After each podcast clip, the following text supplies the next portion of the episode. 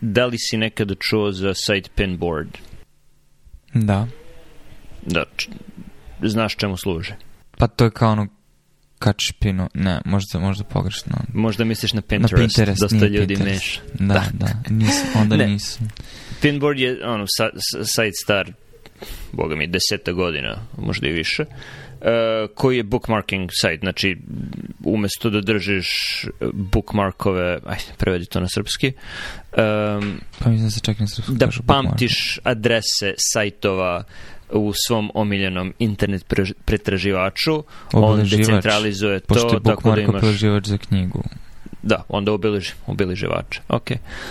Um, onda to centralizuješ. E, Yahoo je bio popularan za to i Yahoo je imao svoj servis dok nije potpuno propao i ne sjećam se kako se zvao, ali su ga prodali, nekome preprodali i to je na kraju propalo. Ali je Pinboard bio alternativa i kada je prvo izašao, bilo je ono, platiš 5 dolara i imaš do, doživotno besplatan pristup tome i to je ono što sam ja uradio pre 10 godina. Znači, platio sam 5 dolara i ono za što je jako koristan je što automatski obeležava i pamti sve tvoje tweetove i sve stvari koje si lajkovao na Twitteru E, pretraživanje na Twitteru samom je očajno, a ono što meni nije jasno je da ne možeš ti da, da pretražuješ da pretražuje svoje lajkovane tweetove. Tako da, a ja ono, lajkujem stvari koje želim da zapamtim, na koje želim da se vratim, tako da, je, da sam ga prvenstveno za to koristio.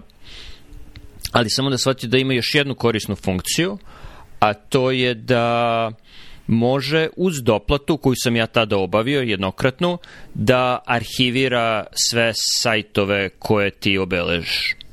Mm. Što je jako bitno, jer, eh, ne znam, kada internet nastao, ljudi su misli, ovo je sjajno, sada imamo svo to znanje i eh, stavljamo linkove ka različitim sajtovima, ali postoji poluživot svakog sajta i gomila linkova eh, koja čak i na mom blogu ili blogovima koje sam postavljao pre 5, 6, 10 godina više ne rade.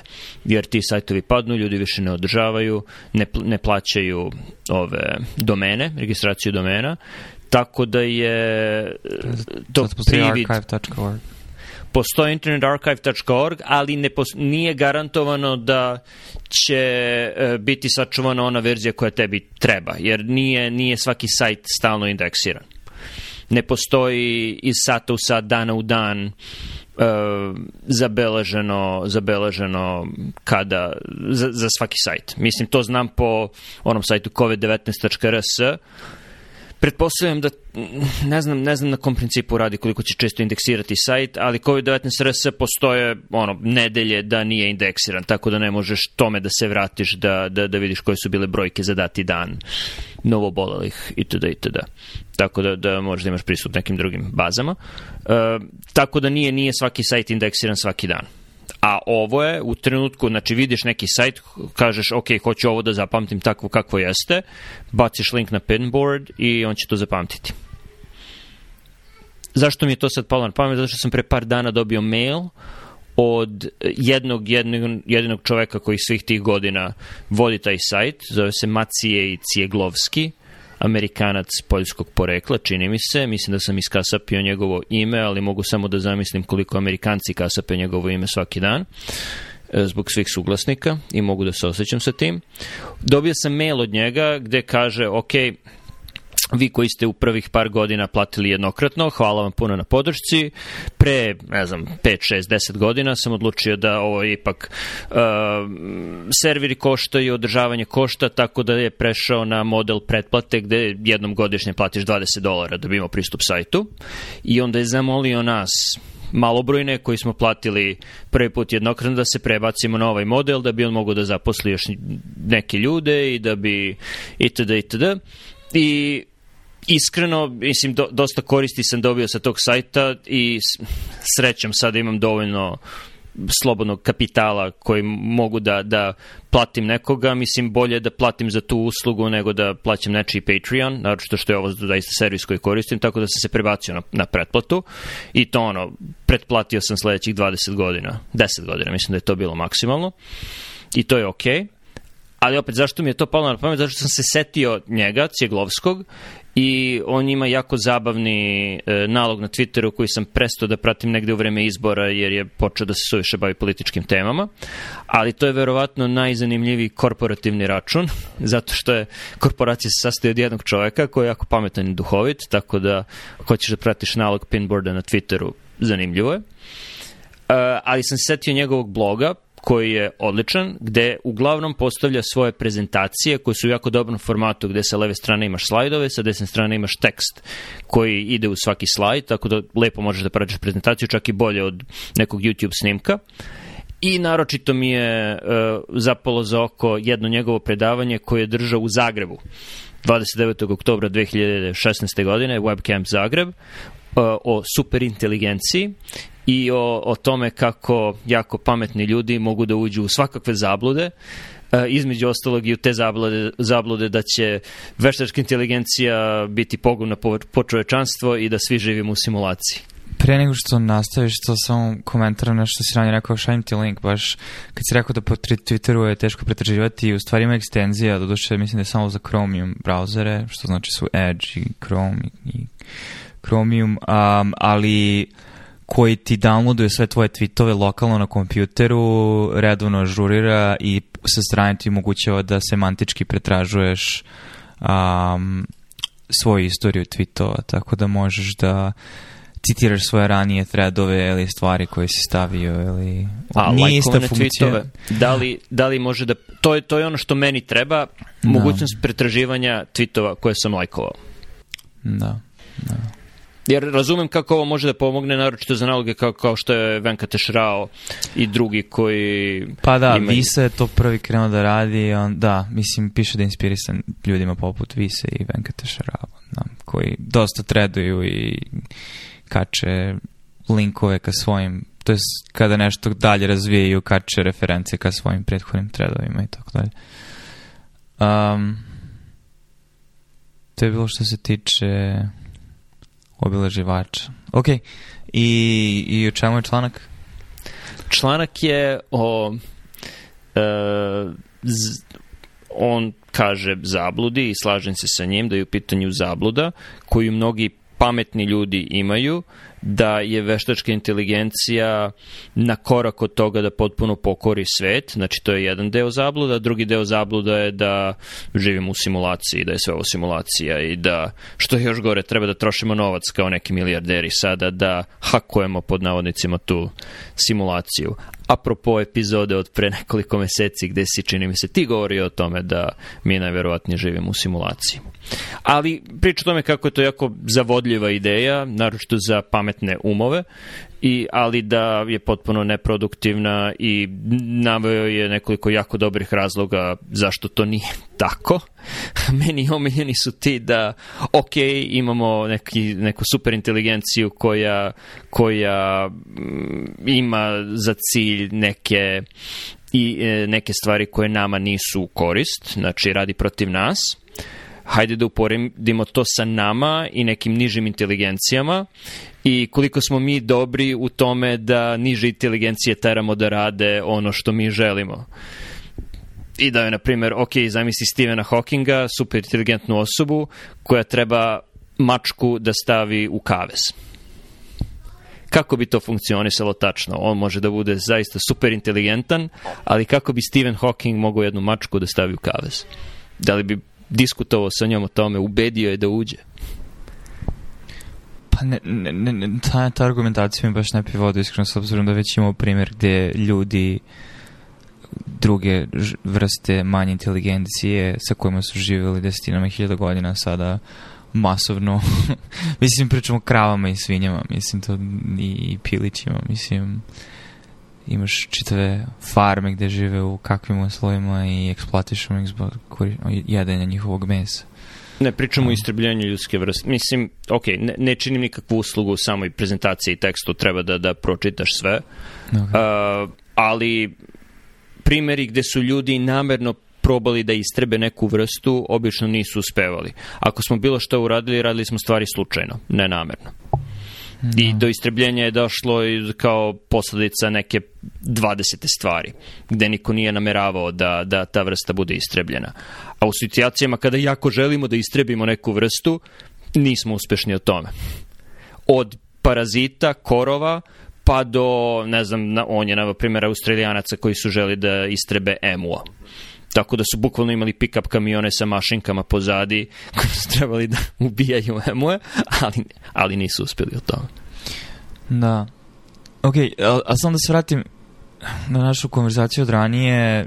Mislim, ako se dobro sećam kako sam to formulisao, da je zanimljivo razmišljati kao da živimo. Mislim, ja nisam... Uh, zopostav da je to definitivno tačno, iako je na momente da a, onako tongue in Ali razmišljao sam o tome baš skoro zašto je pogotovo sada ta ideja zavodljiva i mislim da iz više razloga. Jedan od razloga je taj što a, svedočimo u toku našeg života vrlo rapidnom napretku tehnologije, a, pogotovo u domenu nečega što bi ljudi nazivali veštačkom inteligencijom u vrlo specifičnim domenima, ali opet vrlo zanimljivo. Ne znam, da sam vidio da ima onaj website, ono Heritage, gde praviš genealogiju svog stabla, šta ti ja znam i jedna od, jedna od stvari koje imaju je da staviš fotografiju svog preminulog pretka i da oni pomoću neuralnih mreža animiraju lice koje se onako blago pomere i deluje dosta creepy. I dalje ono Uncanny Valley, ali nešto što ja nisam ni znao da postoji, nije mi ni palo na pamet kao cool. Um, mislim, to je jedna stvar. Mislim, jednostavno nekako uvek razmišljam koji je sledeći korak gde to sve dalje ide i onda kad vidiš šta GPT-3 radi znaš, nis, ja nisam verovao da će to naravno upit, upitno je šta to znači ali da, da vrlo deluje verodostojno i zanimljivo da, i da bi potencijalno mogao da me prevari da, um, da potencijalno može da suplementira ljudsku inteligenciju i tekako. Mislim, zamisli farme a, botova koji komentarišu za određene političke struje koje a, amplifikuješ pomoću softveru poput GPT-3 da samo praviš varijacije na temu isto komentara. Mnogo lakše nego da teraš stotine ljudi da se bave tim. Um, ali sa druge strane, mislim, ono o čemu sam skorije razmišljao zašto je ta ideja zavodljiva je mislim da je delom zato što živimo na neki način u sekularnom dobu i da ipak postoji neka nasušna ljudska potreba za religijom, onostranim, transcendentalnim, a, koja je postala od početka ljudske vrste, a koju smo samo u zadnjih 50 do 100 godina na neki način potisnuli i izbrisali, a pametni ljudi ne smiju sebe da dozvole da, da veruju, jer a, postoji čitava konotacija u religijskim tradicijama koja se a, odnosi na zavodljivost, eh, lošu stranu svega toga, manipulaciju masom i tako dalje, tako da rea, hoću da kažem, religija za pametne ljude je simulacija. da verujemo u nešto što je, iznad... što je i Macije napisao. Da. Stvarno? E, eto, da. znači tu se slažem. Okay. Ok, pročitat ću članak, da, da. Ali baš sam razmišljao o tome kako, zašto totalno mi ima smisla da je ta ideja pogotovo sada popularna, pogotovo u određenim krugovima, jer na neki način, mislim, imamo tu potrebu za nečim dubljim izvan našeg čula, izvan našeg mogućnosti razumevanja i to je jednostavno, da, naš, da li biološki ili kako god, jednostavno jeste ugrađeno u nas i a, jeste način kroz koji posmatramo svet. Real Tom Cruise deep fakes are invading TikTok, to si mi proposlao. Da, sad sam ti to poslao. Apropo uh, e, GTP3-a i, i inteligencije koja može da, da napravi da ljudi rade različite stvari. Ali opet neko je to morao da to ljudi stoje iza toga, ne, ne veštačka inteligencija. Znači, uh, još jedna stvar koju on pominje u toj prezentaciji je da je definicija inteligencije jako fleksibilna, da ljudi obično kada kažu inteligencija misle na ljudsku inteligenciju, ali mi o ljudskoj inteligenciji znamo toliko malo da teško da je možemo reprodukovati. Uh, to je uporedio i sa tim se potpuno slažem, da je naš nivo neuronauke sada kao nivo koji su alhemičari imali u spoznaj hemije. Znači imali su neke dobre ideje, znali su otprilike, ok, korpuskularna teorija materije, to su čestice koje ako kombinuješ drugačije možeš da dobiješ različite, različite materijale i tu su bili potpuno u pravu. Čak i ono, mi pretpostavili su da, da ljudi mogu da stvaraju različite elemente kombinacijom različitih elemenata i to su naravno radili da bi napravili zlato, jer zašto da ne? i, i sadašnja hemija je jako blizu toga, ali bilo je tu jako puno detalja koji oni na svom nivou tehnologije nisu mogli da znaju. Tako i neuronauke sada i naša ideja o mozgu, e, svesti, razmišljanju. Mi imamo neke ideje, onako neuroni, ok, mreže, ali naš nivo tehnologije nije dovoljno napredovao da bismo zaista razumeli to kao što sada hemija razume elemente. Slažem se sa tim, pogotovo što, mislim, pričao sam skoro gledao onaj podcast Lex Friedmana, Friedmana da ima Andrewa Hubermana koji je neuronaučnik na Stanfordu, uh, koji on prilično dobro publikuje, ali ono što radi u poslednjih par godina je da se bavi edukacijom, tako da ima sad i podcast i bukvalno priča o... Iako je bilo mi fascinantno da slušam koliko je um, neuronauke su napredovale samo u zadnjih deset godina, jer sam saznao dosta novih stvari koje jednostavno nisu bile poznate dok smo išli na faks ili šta ti ja znam. Um, opet i dalje shvatam kako su ti modeli vrlo redukcionistički i svode se na ovo je jedna stvar koja ima anatomski substrat, ovo je druga stvar koja ima anatomski substrat, postoji veze između ove dve stvari, a pogotovo ono sad malo radeći, radeći laboratoriji shvat, kako se dolazi do tih saznanja, ti shvataš da da, u ovim uslovima, na ovaj način, ove dve stvari interaguju tako, ali to ne znači da ne postoji i ne možeš da isključiš čitave druge nivoe organizacije i, i to je ono što se konstantno otkriva, tako da i modeli kojima se sada služimo na neki način, da, deluju vrlo smešno i U stvari pitanje je u kojoj meri je nama moguće ishvatljivo načini na koji on, određene strukture mozga interaguju i proizvode nešto što se zove svest. Ali vidim, pošto jučer sam pro, pročito početak samo članka kad sam mi poslao linka, kad sam video premise koje, na kojima, od koje dalje teče argumentacija ne bila to da a, je ljudski mozak nešto što možemo u potpunosti da izmodeliramo u mašini a, s obzirom da razumemo dovoljno osnovu neurologiju a, ali se zaista pitan da li na nivou biofizičkom nivou znači interakcije između aksona i dendrita u stvari zaista postoji i ono, kvantna slučajnost, zato što ti kad se spustiš na nivo samog receptora i vezivanja molekula i, i, i formiranja akcijnog potencijala, uh, ne znam, ostavljamo otvorenim to pitanje da možda neke od tih stvari jesu u određenim domenima slučajne. Mi, mislim, mislim da nisu. Mislim da je u pitanju igra velikih brojeva za koje mi nemamo mentalnih kapaciteta da ih razumemo, pošto nismo u svakodnevnom životu u kontaktu sa tim velikim brojevima.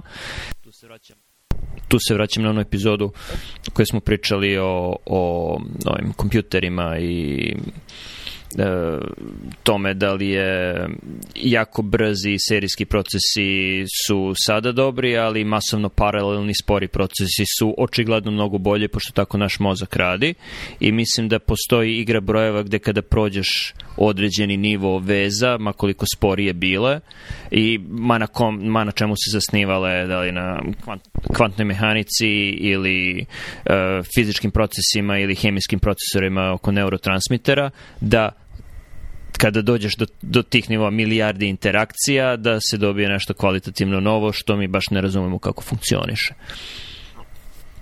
Tako da mislim da je to u pitanju, u, u pitanju su veliki brojevi i da no. Da. pretpostavljam da, da naša, naša ideja toga kako to funkcioniše i da li su pitanju matematički modeli ili ne znam ja kakvi modeli, još uvek ne znamo, ne znamo tačno šta se tu dešava i kako se dešava.